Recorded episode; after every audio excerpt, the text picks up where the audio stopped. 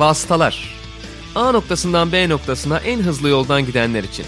Malisel Işık, Barkın Kızıl ve konukları motor sporları gündemini değerlendiriyor. Vasıtaların 48. bölümüne hoş geldiniz. 3. sezon 5. bölümümüzde Formula 1 Gran Premio del Made in Italia del Emilia Romagna yarışının ardından sizlerle birlikteyiz. Maşallah. Bu bölümde aynı zamanda MotoGP'de Portekiz Grand Prix'sine değineceğiz ve Türk yarışçılarımızın çıktığı yarışlardan da bahsedeceğiz. GT4 Avrupa Şampiyonası'nda Monza yarış hafta sonu ve Avrupa Le Mans serisinde de Barcelona 4 saat yarışı vardı. Bütün bu içeriğimizde yavaş yavaş başlıyoruz. Ben Barkın Kızıl, Mali Selişik'le beraber bu bölümde de sizlerle birlikteyiz. Mali hoş geldin. Hoş bulduk. Formula 1 ile hemen zaman kaybetmeden başlayalım. Sıralamalarla ilgili altını çizmemiz gereken neler var? İstersen biraz ondan bahsedelim. Çok üstünde durmayacağız. Benim ilk aklıma gelen Soda'nın kazası oluyor tabii ki. Evet bizi biraz üzdü. Onun dışında böyle hani senin ilgini çeken şu vardı diyebileceğim bir şey var mı? Ondan bahsedebilirsin belki. Sonrasında zaten yarışa geçelim.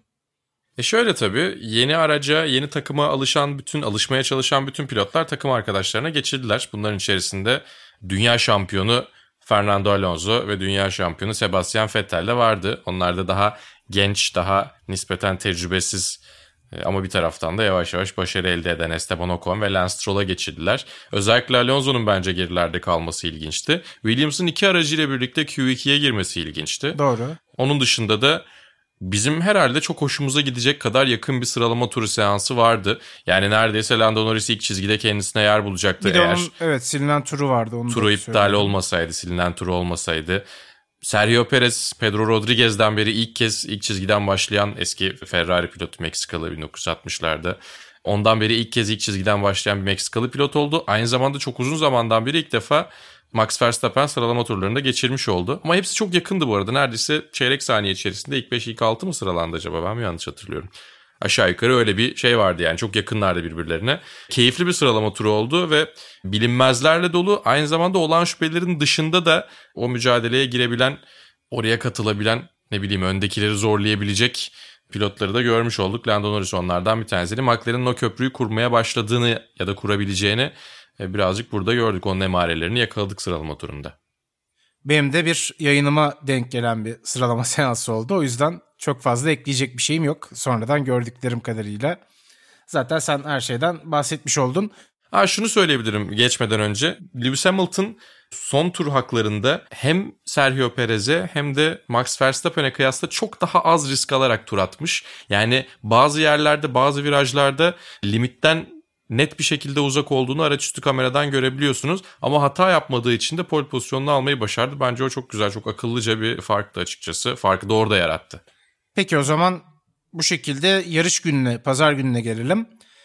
Yarışın başında oldukça ıslak bir pist olduğunu gördük. Hatta bu ıslak pistle beraber Leclerc'in formasyon turunda attığı bir spin de vardı. Biraz Ferrari severleri korkutmuş olsa gerek. Fakat sonrasında problemsiz şekilde yarış başladı. Sadece tek bir problem yaşayan isim vardı. O da Sebastian Vettel pit alanından başlamak zorunda kaldı. Bir fren problemi olduğunu bildirdi takım telsizden ve böylece Vettel için dezavantajlı bir başlangıç oldu. Zaten sonrasında da erken bir pit stop yaptı. Yarış çok iyi gitmedi kendisi için. Hemen şimdiden son bölüme şöyle bir pas atalım. Vettel yarışı bitirememesine rağmen Haas'ların önünde bugün tamamladı. Ondan da enteresan.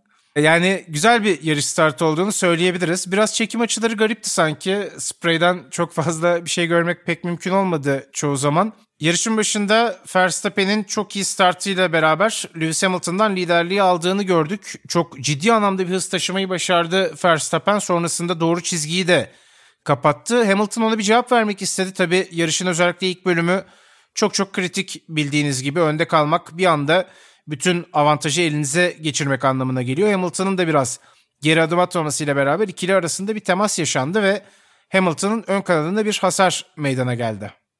Evet ama bir taraftan temas sonrasında o hasar meydana gelmedi aslında. Lewis Hamilton körblerin üzerinden, o sosis körblerin üzerinden geçerken aracın alt kısmı, daha doğrusu yandaki nasıl söylemek lazım? Yandaki end plate'lerin alt bölümü hasar aldı. Çok ciddi de bir kanat hasarı değildi. Bence Max Verstappen liderliği yükseldikten sonra onu hemen geri almak isteyecek karşı tarafı. Lewis Hamilton'ın ne kadar karşı atak yapmaya hazır olduğunu bildiği için tam olabilecek limitte ve gayet güzel sert bir savunma yaptı. Ekstrası yoktu bence ama eksiği de yoktu.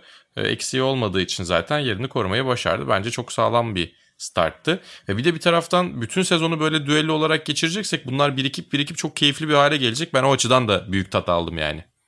Evet yani sezonun sonunda şöyle bir geriye dönüp baktığımızda sezonun Verstappen Hamilton anları şeklinde güzel bir klibimiz olur umarım. Uzunca bir klibimiz olur. Ve bu mücadelenin sene sonuna kadar devam etmesini umuyoruz ki zaten bu yarışta da yani en iyi iki daha doğrusu en iyi isimler arasında ikisini de sayabiliriz öyle söyleyelim. E, Latifi'nin sonrasında Mazepin'le teması vardı. Olaylı bir başlangıç oldu aslında ilk turlarda. Üst üste kazalar, giren güvenlik araçları gördük. Latifi Mazepin teması ile ilgili tabi Mazepin biraz daha şu ana kadar gösterdikleriyle olan şüpheli gibi gözüküyor ama sanki bu defa Latifi'nin hatası vardı gibi geliyor bana. Sen ne dersin? Öyle öyle. Gerçekten Mazepin'in bir suçu yoktu maalesef. Ya yani ben de Twitter'da direkt olarak Mazepin'i gömme yoluna doğru gittim. Çünkü alıştırdı bizi. Yani daha ikinci yarıştan gerçekten böyle şeylere bizi alıştırdı. E, Latifi spin atmıştı. Spin attıktan sonra piste dönerken çok fazla dikkatli davranmamış doğrusu. Latifi'nin yer bırakmamasıyla birlikte çok da kaçacak yeri olmayan Mazepin temastan kaçamamış açıkçası. Nick Latifi böylece yarışa erken bir şekilde veda etmiş oldu ki aslında o da iyi şeyler yapmayı bekliyordu bu yarışta. Williams'lar biraz hayal kırıklığı yaşadılar. Ona birazdan geleceğiz zaten ama ya burada en azından yarışın bu kısmında Nikita Mazepin'in bir suçu yoktu. Nick Latifi'nin daha dikkatli olması gerekiyordu. Ve güvenlik aracı ya Bir de Williams için çok iyi başladı hafta sonu. Yani tabii, tabii. birlikte Q2'ye gittiler. Tutturdukları haftalarda çok gibi. iyi olacaklarını söylüyorlardı zaten ve o hafta bu hafta gibiydi ama elleri boş döndüler. O yüzden tatlar kaçıktır Williams'te. Evet ama en azından hızlı olduklarını gördüler ve hani çok uzun zamandır buralarda da pek yer alamıyorlar. Zaten ilk puanlarını aradıklarını da biliyoruz. Çok çok uzun zaman sonrasında. E, yanılmıyorsam Kubica bir puan almıştı sadece geçtiğimiz sezonlarda işte bir önceki sezonda. Onun dışında evet yani puan açtığı devam ediyor Williams'ın. Zaten birazdan George Russell'dan bahsederken de buraya geri döneriz. Bu temasın ardından güvenlik aracı dahil olmak durumunda kaldı. Şiddetli sayılabilecek bir kazayla yarış dışında kaldı çünkü Latifi. Ve o sırada da bir başka Haas'ın yine kazanın içinde kendisini bulduğunu gördük. Bu kez Mick Schumacher lastiklerini ısıtırken yani daha önce gördüğümüz ama çok da anlamlı olmayan bir anda kaza yapmış oldu ve o hasar ile beraber pistte uzun bir süre geçirmek durumunda kaldı. Çünkü pit alanı kapalıydı ve Mick Schumacher'ı pite alamadılar. Bu şekilde bir ekstradan tur attı. Evet kendi ön kanadı pit yolunun dışında olduğu için aslında yani tamamen kendi kendine mahvetmiş oldu. Ön kanat orada kaldı. Pit yolun direkt çıkışındaydı. O oradan alınmadan pit yolu açılmadığı için senin de söylediğin gibi ön kanatsız hatta burnu ciddi anlamda hasar almış bir araçla iki tur atmak zorunda kaldı pistte. Orada yarış mühendisinin de motivasyonel konuşması tabii dikkat çekti. Hiçbir şey kaybetmiş değiliz. Tekrar bu kaybettiğimiz turu geri almak için fırsatımız gelecek dedi ki aslında haklı çıktı bir noktada. Yani belki Haas çok ciddi bir şey kazanmadı yarışın sonunda ama en azından bu öngörü tutmuş oldu yarışın ilerleyen bölümlerindeki olaylarla beraber. Mick Schumacher için de muhtemelen öğrenme aşamasında yine o derslerden bir tanesi oldu diyebiliriz bunun için. Ama Haas'a şöyle baktığımız zaman aracın gerçekten çok kötü olduğunu herhalde söylemek zor değil. Yani buradaki şartlarla alakalı değil aracın genel anlamda yol tutuş konusunda özellikle çok ciddi bir problem var gibi gözüküyor. Yani sadece yol tutuşa da indirgeyebilir miyiz bilmiyorum. Yere basma kuvveti, evet. yol tutuş, denge her şey çok kötü. Ki aslında buraya ilk ve son güncellemelerini getirdiler. Sezon içinde güncelleme hiç gelmeyecek diyorduk onlara ama ilk ve son güncellemeyi buraya getirdiler. Buradan sonra artık başınızın çaresine bakacaksınız e, diyecekler çaylak pilotlarına. Bir taraftan tabii Mazepin bütün seanslarda neredeyse en azından bir spini belki istiyorsa üzerine araca hasar verdiği bir kazası da oluyor. E, öyle olduğu için açıkçası onun da zararı vardır diye tahmin ediyorum maddi açıdan takıma. Yani yeni parça deniyor olsalar bile onlardan veri elde edecek kadar uzun süre pistte kalamıyor olabilirdi o parçalar. O yüzden belki de geliştirme parçası getirmemek çok da mantıksız olmayabilir. Bu sezonun açık ara sonuncusu onlar olacak. Çok acayip bir yarışta iki pilotundan biri ciddi anlamda puan alır ve işte Williams veya Alfa Romeo ki zannetmiyorum Alfa Romeo biraz daha uzaklaştı artık son iki sıradan. E onlar yetişemezse belki sonuncu bitirmeme ihtimalleri %1, %2 olabilir ama herhalde sezonun sonuncusu onlar olacaklar. E gerek pilot tecrübesizliğiyle gerek de aracın performanssızlığıyla. Yani aslında önümüzdeki yılla beraber gelecek regülasyonlardan önce çok kaybedecek bir şey olmadığını düşünüyorlar muhtemelen. Aslında pilot seçimlerinden bile bunu anlayabiliriz. Yani iki çaylak pilotla yarışıyorlar ve hiçbir beklentileri yok Haas takımının. Muhtemelen geleceğe bir yatırım yapıyor onlar. Şöyle bir bahsetmiş olduk. Yeni adıyla Ural Kali, eski adıyla Haas takımından. Ardından güvenlik aracı piste dahil oldu tabii. Düzeltiyorum güvenlik aracı esnasında bu problem yaşandı. Perez'in güvenlik aracı periyodunda bir hata yaptığını gördük. O hatayla beraber iki sıra birden kaybetti. Sonrasında hemen piste döndü ama piste döndükten sonra yapmaması gereken bir şey yaptı ve güvenlik aracının ardında o sıraları geri aldı ve yarışın kendisi adına bu ilk büyük hatasıydı ki aslında Perez'in çok hata yaptığını da görmüyoruz. Bu yarışta iki çok büyük hata yaptı. Zaten sonucuna da doğrudan etki etti. Evet yani güvenlik aracı arkasında sıra kaybettiğinizde onu geri almamanız gerektiğini biliyor olmanız gerekiyor. Ama bu bazen çok yetenekli pilotlarında, çok acayip pilotlarında, çok başarılı adettiğiniz, çok akıllı adettiğiniz pilotlarında düşebildiği bir hata. 2009 olması lazım. 2009 Avustralya Grand Prix'sinde Lewis Hamilton benzer bir problem yaşamıştı. Arno Trulli'ye geçildikten sonra yerini geri almıştı ve sonrasında takım tersindeki konuşmanın tam tersini açıklama olarak yarış hakemlerine söylediği ortaya çıkmıştı. Birazcık bir yalancılık skandalı. O dönem çok eleştirilmişti. Tefe koymuşlardı hem McLaren'ı hem Lewis Hamilton'ı takım bana yerini geri alabilirsin dedi. Ben de o yüzden geçtim demişti. Normalde işler tam tersiymiş. Ya bu tarz şeyler özellikle tabii kaotik bir yarış veya beklenmedik bir başlangıçla birlikte zaten dengeler şaşıyor. Ki Perez'in yarışın geri kalanında da o dengelerinin şaştığını gördük aslında. E, beklenmedik şartlar ortaya çıktığı zaman o odaklanma sorunu bazı pilotlarda o nüksedebiliyor. E bir taraftan sürekli tetikte olmak demek bazı şeyleri tam doğru yapamamayı da getiriyor beraberinde. Yani Perez'in benim gözümdeki değerinden çok bir şey eksiltmez bu yarıştaki kötü performansı. Ama unutmak isteyeceği bir yarış hafta sonuydu. Hata üstüne de hata yaptı. Ki dünün üstüne yani çok güzel bir cumartesi gününün üstüne tatsız bir pazar günü oldu. Tam tersini tercih ederdi herhalde. Bahreyn'de tam tersiydi. Çok memnundu. Kötü bir cumartesi günü. Yine kötü başlayan bir pazar ama sonunu iyi getirmişti. Bu sefer tam tersi oldu. Evet yani bir de Red Bull'un aslında Bottas'ın da kötü performansıyla beraber bir 2'ye 1 avantaj yakalama şansı da vardı belki. Onu da yine kullanamamış oldular ama gülen tarafı oldukları için bu da Perez'in alışma yarışlarından bir tanesi daha gibi olacak. Senin de dediğin gibi bence de dönüp de hatırlamak istemeyeceği bir pazar gününü geride bırakmış oldu Meksikalı sürücü. Birazdan kendisinden bir kez daha bahsedeceğiz. Şimdilik virgül koymuş olalım o yüzden. 7. E, turda yarış hareketli startla tekrar başladı. Orada da Lewis Hamilton'ın bir hamlesi oldu ama Verstappen geçiş izni vermedi. Sonrasında bir süre boyunca Pierre Gasly'yi ekranlarımızda gördük. Çünkü lastik seçimi burada onun için hiç iyi çalışmadı. Çok ters tepti diyelim aldıkları risk ve çoğu isim geçiş lastiklerini kullanırken, yeşil damgalı lastikleri kullanırken Pierre Gasly ıslak zemin lastikleriyle pistteydi ve Pist o kadar ıslak olmadığı için ve hatta gittikçe de kurumaya başladığı için Pierre Gasly bir türlü arkasındakileri tutamadı. Sürekli olarak sıra kaybettiğini gördük. Biraz sanki ona da yazık oldu diyebiliriz herhalde.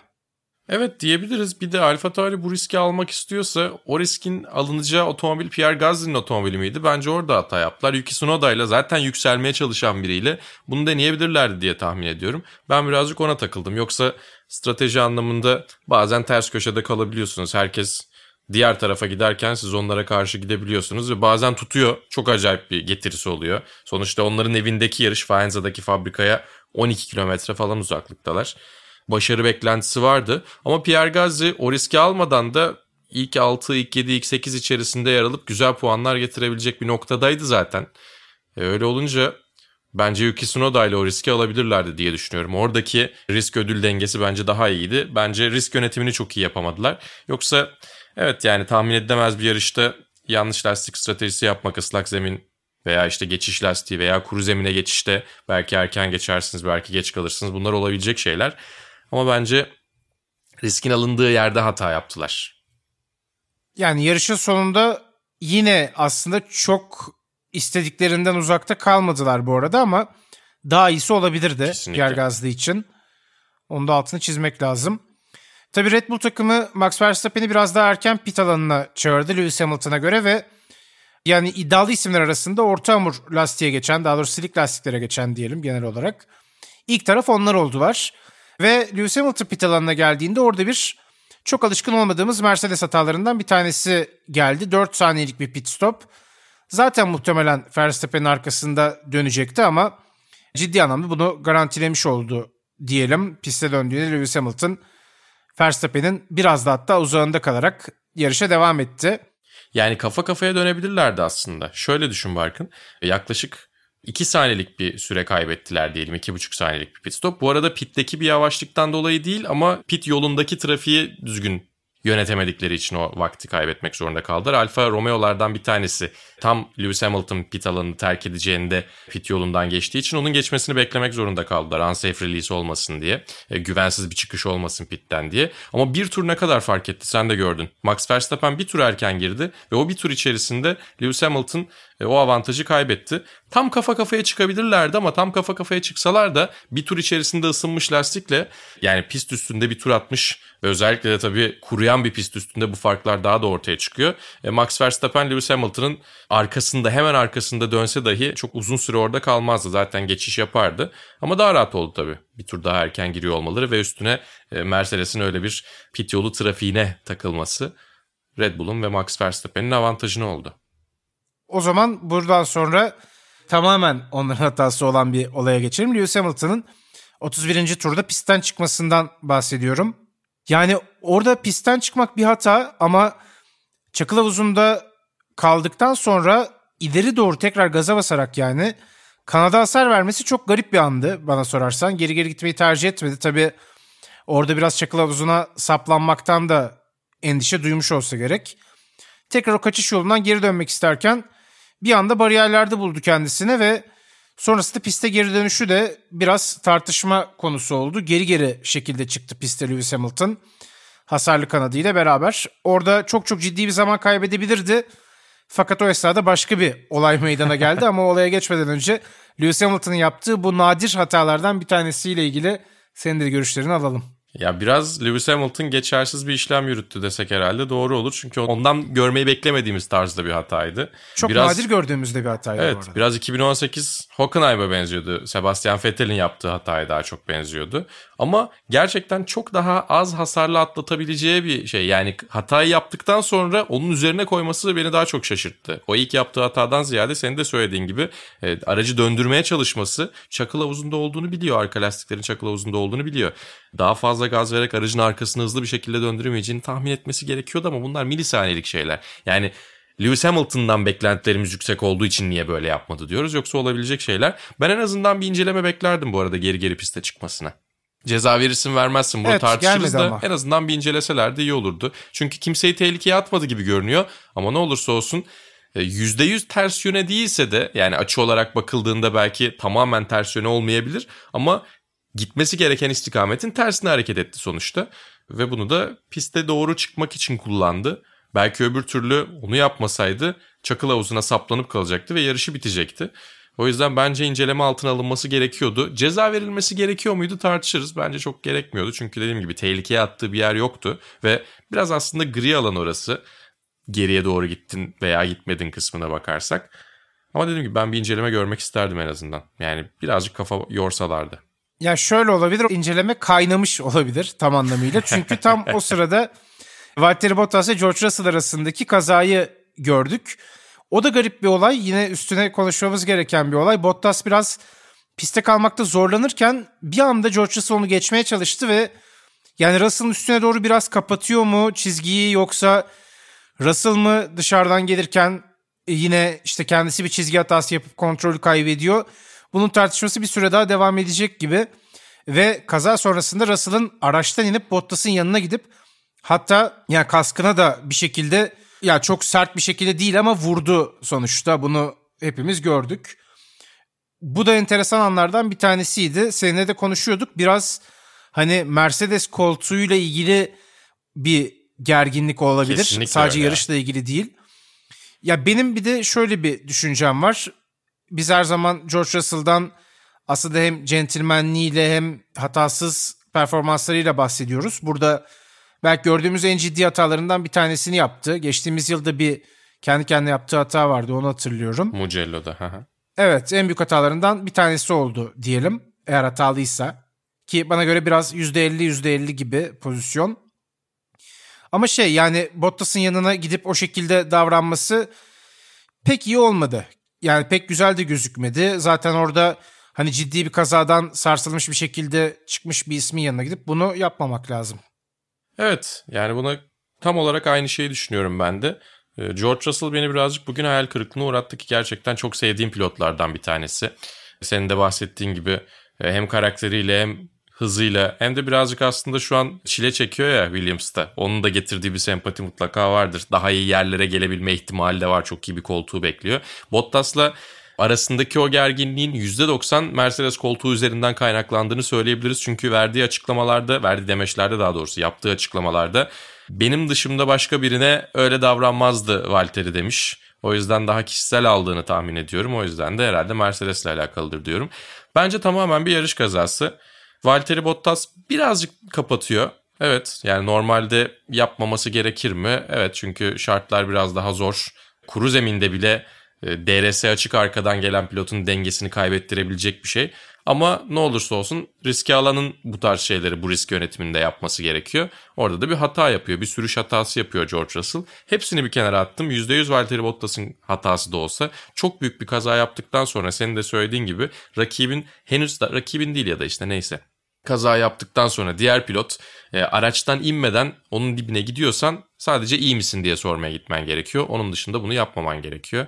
Yani o da hoş değildi. Valtteri Bottas da aynı şekilde cevap verdi bu arada. Hani tamamen e, bir taraf diğerine agresyon gösteriyor gibi değildi. Bottas da orta parmak yaptı. Ama gerek yok. Bunu başlatan e, George Russell'dı. Şöyle bir açıdan bakacağım. Grand Prix Pilotlar Birliği'nin başına getirilmiş genç bir pilot olarak bunu yapması da ekstra eksi yazıyor. 2 ile çarpılıyor çünkü e, daha örnek olması gereken bir e, konumda şu anda. Bunların hepsini düşünmesi gerekiyor. Mercedes'in gözünde de eksi yazmıştır diye düşünüyorum. Kimseye faydası olmadı. Birazcık oturup düşünmesi gerekiyor. Ama senin de söylediğine yine şu anlamda katılıyorum. Yaptığı hatayı kendisi de biliyor içten içe ve o yüzden de böyle ekstra bir tepki vermiş olması daha muhtemel. Kendine gösterdiği kızgınlığı belki Bottas'a yansıtmıştır diye düşünüyorum. Ya bir de şöyle bir açısı var. Williams'la puan arıyor ve yani o puanı bulacakken de Bottas'ı puan barajı civarında yakalamış vaziyette. Yani hem gridin en hızlı otomobilini diyelim hadi Red Bull'la beraber ikinci iki otomobilinden bir tanesi diyelim ya da hem de işte zaten bahsettik koltuğunu almak istediği ismi bu şekilde geçerek o puana gitme şansı var. Belki onun getirdiği adrenalinin de biraz etkisi olabilir bana sorarsan. Ya yani bütün bunların zaten bir araya gelmesiyle yaşanıyor olaylar. Anlık hatalar ama sonrasında verilen tepkilerde her ne kadar öyle milisaniyelik olmasa da yine anın sıcaklığı içinde geliyor. Ya bunlar da olur demek lazım bence. Ama sonrasında yaptığı açıklamalarda da bir, bir tanesinde şeyi söylüyor. Valtteri'nin normalde sıralamada orada olmaması bile gerekiyor. Galibiyet için mücadele etmesi gerekiyor. Dokuzunculuk için kapışırken, Mercedes için hiç önemi olmayan bir sonuç için kapışırken yarışın son turunda galibiyet için mücadele edermişçesine savunma yapıyor olması diye böyle alt metinlerine baktığın zaman bir dakika bu işin arkasında çok daha farklı bir şey var dediğin. Yani ya yok o var zaten. Ya, ikinci o, o Mercedes koltuğuyla alakalı bir takışma var aralarında. Bottas'ın Evet, evet. açıklamaları biraz daha sakin, biraz daha en azından yatıştırıcı geldi bana. Dediğim gibi yani George Russell'ı şu ana kadar gösterdiği davranışlarından dolayı e, takdir ediyorduk ama bugün eksi yazdı açıkçası onun hanesine. Evet yani böyle düşünmek bana da en doğrusu gibi geliyor. Bu kazanlardan tabii bir kırmızı bayrak çıktı. Kırmızı bayrakla beraber uzunca bir süre yarışın tekrar başlamasını bekledik. Çünkü çok ciddi anlamda bir hasar vardı orada. Pistin tekrar hazır hale gelmesini bekledik. Bu sırada tabii pist de kurudu.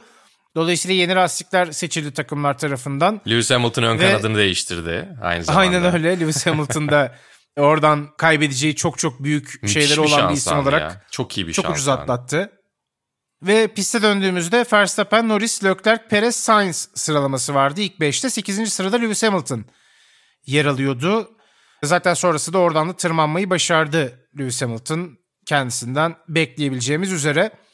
Bu sırada bir ilginç olay yaşandı. Lewis Hamilton'ı Yuki Tsunoda geçmeyi başardı. 9. sıraya yetmişti 7 kez dünya şampiyonluğu fakat geçer geçmez Tsunoda bir spin attı ve onun da yarışı biraz tekrar kaybolmuş oldu. Aslında çok gerilerden başladığı yarışta, son sıradan başladığı yarışta diyelim.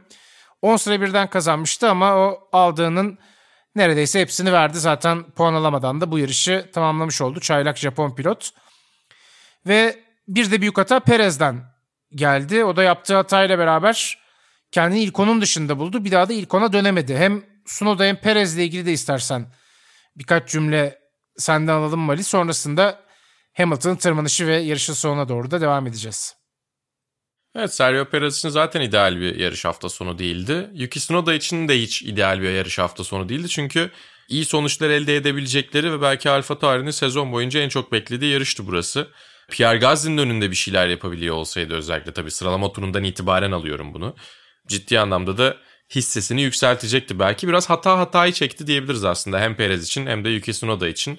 Ama onlar da alışıyorlar. Biri Formula 1'de yarışmaya alışıyor. Biri yeni takımına alışmaya çalışıyor.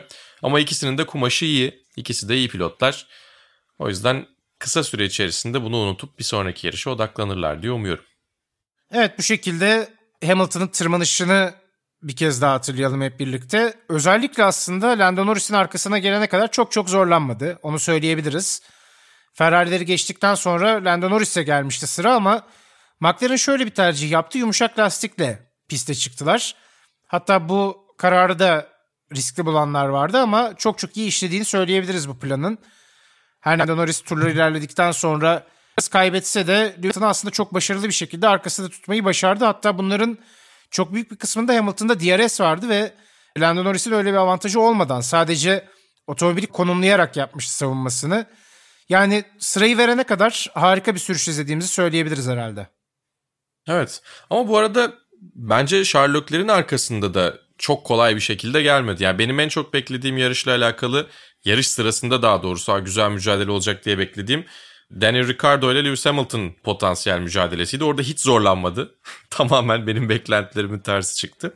E, Sherlock'lerin arkasında da yine sabırlı olmak ve doğru zamanı beklemek zorundaydı. Çünkü Lökler'in de DRS'si vardı. Lando Norris'in bir saniyenin daha fazla fark açmasını bekledi. Daha doğrusu bir saniyeden uzak olmasını bekledi. Sherlock'lerin biraz geriye düşmesini bekledi. DRS'yi kaybettiği anda Sherlock'lere atak yaptı. Onun dışında Lökler'in arkasında da biraz vakit kaybediyordu doğrusu. Daha doğrusu istediğini yapamıyordu. Çünkü ikisinde de DRS olduğu için çok fazla fark etmiyordu. E tabi Tamburello şıkanına gelirken o kadar atak yapacaklık kadar avantaj yakalayamıyorsunuz. Risk alabileceğiniz bir yer çok fazla değil orası. E bir taraftan zaten hata kontenjanını, hata kotasını doldurarak geldiği için Lewis Hamilton oraya e, sabırlı davranmayı tercih etti. Lando Norris gerçekten senin de söylediğin gibi çok güzel bir savunma yaptı ki zaten e, yarışında pilotu seçildi. Günün pilotu seçildi daha doğrusu. Tertemiz bir sürüşle birlikte yani ikinci bitirebilirdi belki. Lewis Hamilton çok doğru bir şekilde yaklaşmayı tercih etti. Biraz sabırsız davranıyor olsaydı Lewis Hamilton bence Lando Norris ikincilikte kalabilirdi. Ama yavaş yavaş yaklaşarak gerekirse son tura bırakmayı göze alarak e, çok rahat bir şekilde e, geldi ve geçti. Yani rahat geçebileceği bir ortamı, rahat geçire, geçebileceği bir fırsatı oluşturdu. Öyle olunca gerçekten neredeyse sıfır hasarla yarışı tamamlamış oldu. Bir de üstüne en hızlı tur zamanını elde etti. O en hızlı tur zamanı farkıyla hala şampiyona lideri Lewis Hamilton. Ya şu iki yarış sonunda da şampiyona lideri olmaması gerekiyordu aslında Hamilton'ın. E, Mercedes de herhalde o açıdan çok memnundur diye düşünüyorum. Yani yarış içerisinde kabusu yaşayıp gelip ondan sonra ikinci bitirmeleri, de dediğim gibi üstüne bir ekstra puan almaları sezon sonunda çok kıymetli olabilir.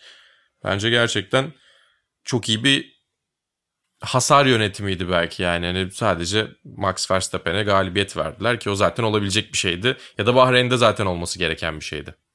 Evet yani Hamilton son 4 tur kala ikinci sırayı aldı. Yine aynı pencerede en hızlı turu da kaydetti. Dolayısıyla yarışın sonuna kadar o sabrı koruduğunu da bir anlamda ifade etmek lazım. O şekilde de bakarsak yine biraz burada hani o yarışı iyi yönetmek kısmı öne çıkıyor. Zaten Verstappen çok uzaktaydı. Ona yetişme ihtimali de yoktu. Alabileceği en iyi sonucu aldı Lewis Hamilton bu yarıştan. Ve Max Verstappen tabii onunla ilgili konuşulan İtalya laneti söz konusu. Bunca senedir en iyi sonucu beşincilikti. Büyü Max bozuldu. Verstappen'in. o büyü bozdu senin de dediğin gibi ve İtalya'da ilk kez bir galibiyet çıkartmayı başardı Imola'da. Max Verstappen puan farkını da 1'e indirmiş oldu. Lewis Hamilton'la şampiyonada. Bu anlamda zaten çok çok güzel bir sezon izliyoruz. İzlemeye de devam edeceğiz gibi takımların performansının yaklaşmasıyla birlikte. Bu şekilde yarış bitiyor aslında ama yarıştan sonra gelen bir haber. Biz de tam kayda girmeden önce aldığımız bir haber var. Kimi Raikkonen bir inceleme altındaydı. Zaten bunun bilgisini yarış sırasında görmüştük ama saatler sonra bir karar çıktı ve Raikkonen'e 30 saniyelik bir ceza geldi. Fernando Alonso da böylece bu yarışta 10. sıraya yükselmiş oldu ve Formula 1 geri dönüşündeki ilk puanını çıkarttı Fernando Alonso. Tabii bu yarışla ilgili değinmemiz gereken birkaç ufak olay daha var. Kronolojik gittik biraz. Lando Norris ve Daniel Ricciardo arasındaki sıra değişimi konusuna değinmek lazım bence. Çok itirazsız, çok çok sakin bir şekilde Ricardo'nun o sırayı vermesi bize daha önce gördüğümüz bazı takım içi rekabetlerinde görmediğimiz bir manzara izletti diyebiliriz herhalde ki takımın zaten bu karar vermekte ne kadar haklı olduğunu da gördük günün sonunda. Evet yani takım kültürü olarak bakıldığında McLaren gerçekten çok sağlıklı bir izlenim veriyor. Hem zaten finansal anlamda Zac Brown'un sürekli sponsor getirmesini bir şekilde gündemde konuşuyoruz. Yani sosyal medyada görüyorsunuz, yayınlarda bir şekilde duyuyorsunuz ya da biz burada bahsediyoruz. Ama onun dışında takımın kültürü de gerçekten birbirini suçlama üzerine değil ama maksimum başarıyı, maksimum sonucu nasıl elde edebiliriz? Toplu bir şekilde birlikte çalışarak ve bunun üzerine e, çaba sarf ediyorlar. O yüzden 2022 için biraz da yarışlar kazanabilecek veya zirvede yer alabilecek bir McLaren, yarışlar kazanıp şampiyonluk mücadelesi verebilecek bir McLaren belki Lando Norris ve Daniel Ricciardo şampiyonluk mücadelesi veriyor olsa dahi birbirlerine e, fayda sağlayabilecek stratejileri pist üstünde yapabilirler. Öyle olursa da çok daha tehlikeli hale gelirler. E açıkçası gelecek için de umut verdi bence McLaren'a bakınca. Senin de söylediğin gibi o itirazsız ve sonunda ciddi anlamda fayda getiren pist üstü konum değişimi. Evet yani McLaren'ın da en ciddi rakibi Ferrari gibi gözüküyor. Gerçekten ne kadar hani Red Bull Mercedes rekabeti keyif veriyorsa McLaren Ferrari rekabeti de bence bir o kadar keyif veriyor. Yani Ferrari'nin geçtiğimiz yıl güç ünitesine gelen itirazla beraber ciddi anlamda güç kaybettiğini görmüştük. Fakat oradan geri dönmeyi başarmış durumda kırmızılar. Ve şu anda çok çok iyi gözüküyor. Yani hiç beklenenin çok çok ötesinde gözüküyor diyeyim en azından. Hala podyum şansı kovalamaya devam edecek durumdalar. McLaren'la başa çıkabilecek durumdalar. Ve Sainz'ın da takıma adaptasyonunun yavaş yavaş iyi gittiğini, iyiye gittiğini söylemek mümkün. Bu yarışta da Leclerc'le aralarında çok ciddi bir fark olmadan aslında 4 ve 5. sırayı aldılar. Evet yani Carlos Sainz yarışta yaptığı hatalardan memnuniyetsizdi. Ama ona rağmen senin de söylediğin gibi çok ciddi bir fark oluşmadı. Ya bir taraftan şöyle bir durum var. Yani e, Sebastian Vettel ile Ferrari arasındaki ilişki o kadar uzun süre içerisinde daha doğrusu o kadar uzun süredir kopuktu ki o bütün takım kültürüne de yansıyordu. Elde edilen sonuçlara da yansıyordu. Neredeyse tek araçla yarıştıkları bir geçtiğimiz yıldan bahsediyoruz. Evet takımın ahengini bozuyordu diyebiliriz öyle bir durum olması. Evet yani Fettel bozmuyordu ama o aralarındaki ilişki bozukluğu bütün takımın ahengini bozuyordu. Onu net evet. bir şekilde söyleyelim de Fettel'i ateş altına atıyor gibi Yok, olmasın. Yok ben de aralarındaki ilişki bozuyordu demiştim zaten. Evet evet biliyorum zaten o yüzden netleştirmek istedim senin ne söylediğini tahmin ettiğim için. Ama şimdi durum çok daha farklı. İki tane gerçekten iştahlı sürücü var. İki tane gerçekten motive pilot var. İki tane gerçekten genç pilot var ki Ferrari'nin uzun zamandır en genç pilot kadrosu olduğundan bahsetmiştik. E bir taraftan geçtiğimiz yılki problemlerini de aşmış görünüyorlar. O yüzden Ferrari üçüncülük mücadelesinde bir anda kendini herhalde McLaren'in hemen arkasına konumlandırdı. E bu da güzel tabii ki Ferrari iyi olduğu zaman taraftarlar seviniyor. Formula 1 izleyicilerinin çoğu seviniyor. Ferrari iyi olduğu zaman Formula 1 de iyi oluyor desek herhalde çok yanlış bir şey söylemiş olmayız. Evet. Bir parantez Stroll ve Ocon'a da açalım istersen. Ocon'la ilgili söyleyecek çok bir şey yok. Sakin bir yarıştı ama Alonso'nun önünde bitirmesi onun için önemli. Fakat Lance Stroll bence sezonun başından bu yana gerçekten iyi işler ortaya koyuyor. Yani Vettel'i yenmesinden bahsetmiyorum. Zaten Vettel'in bazı şanssızlıkları da oldu. Araca adaptasyon süreci de henüz devam ediyor ve o işte psikolojik anlamda geri dönüşünü tam olarak gerçekleştirebilmiş değil ama Stroll kendi özelinde Aston Martin hızını düşündüğümüz zaman bana sorarsan çok çok iyi işler yapıyor. Bu yarıştan da yine puan çıkartmayı başardı. Evet ben zaten Stroll'ün hakkının yendiğini herhalde 3. 4. vasıtalar bölümümüzden beri söylüyoruz. 48. bölüm içerisine geldik. Ee, o zamandan beri haksızlık edildiğini söylüyorduk.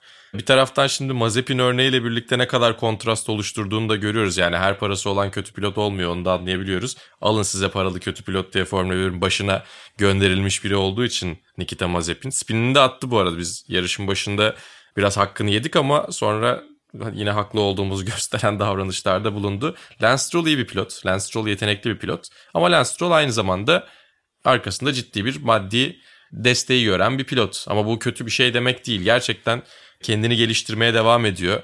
Birazcık özgüveni tam oturduğu zaman çok daha tehlikeli olabilecek bir pilot. Şampiyonluk mücadelesi verir mi? Kariyeri boyunca vermeyebilir ama yarışlar kazanabilecek ve kariyeri bittiğinde iyi hatırlayacağımız bir pilot olacak. Ve oraya emin adımlarla yavaş yavaş gidiyor olmasına da çok saygı duyuyorum ben.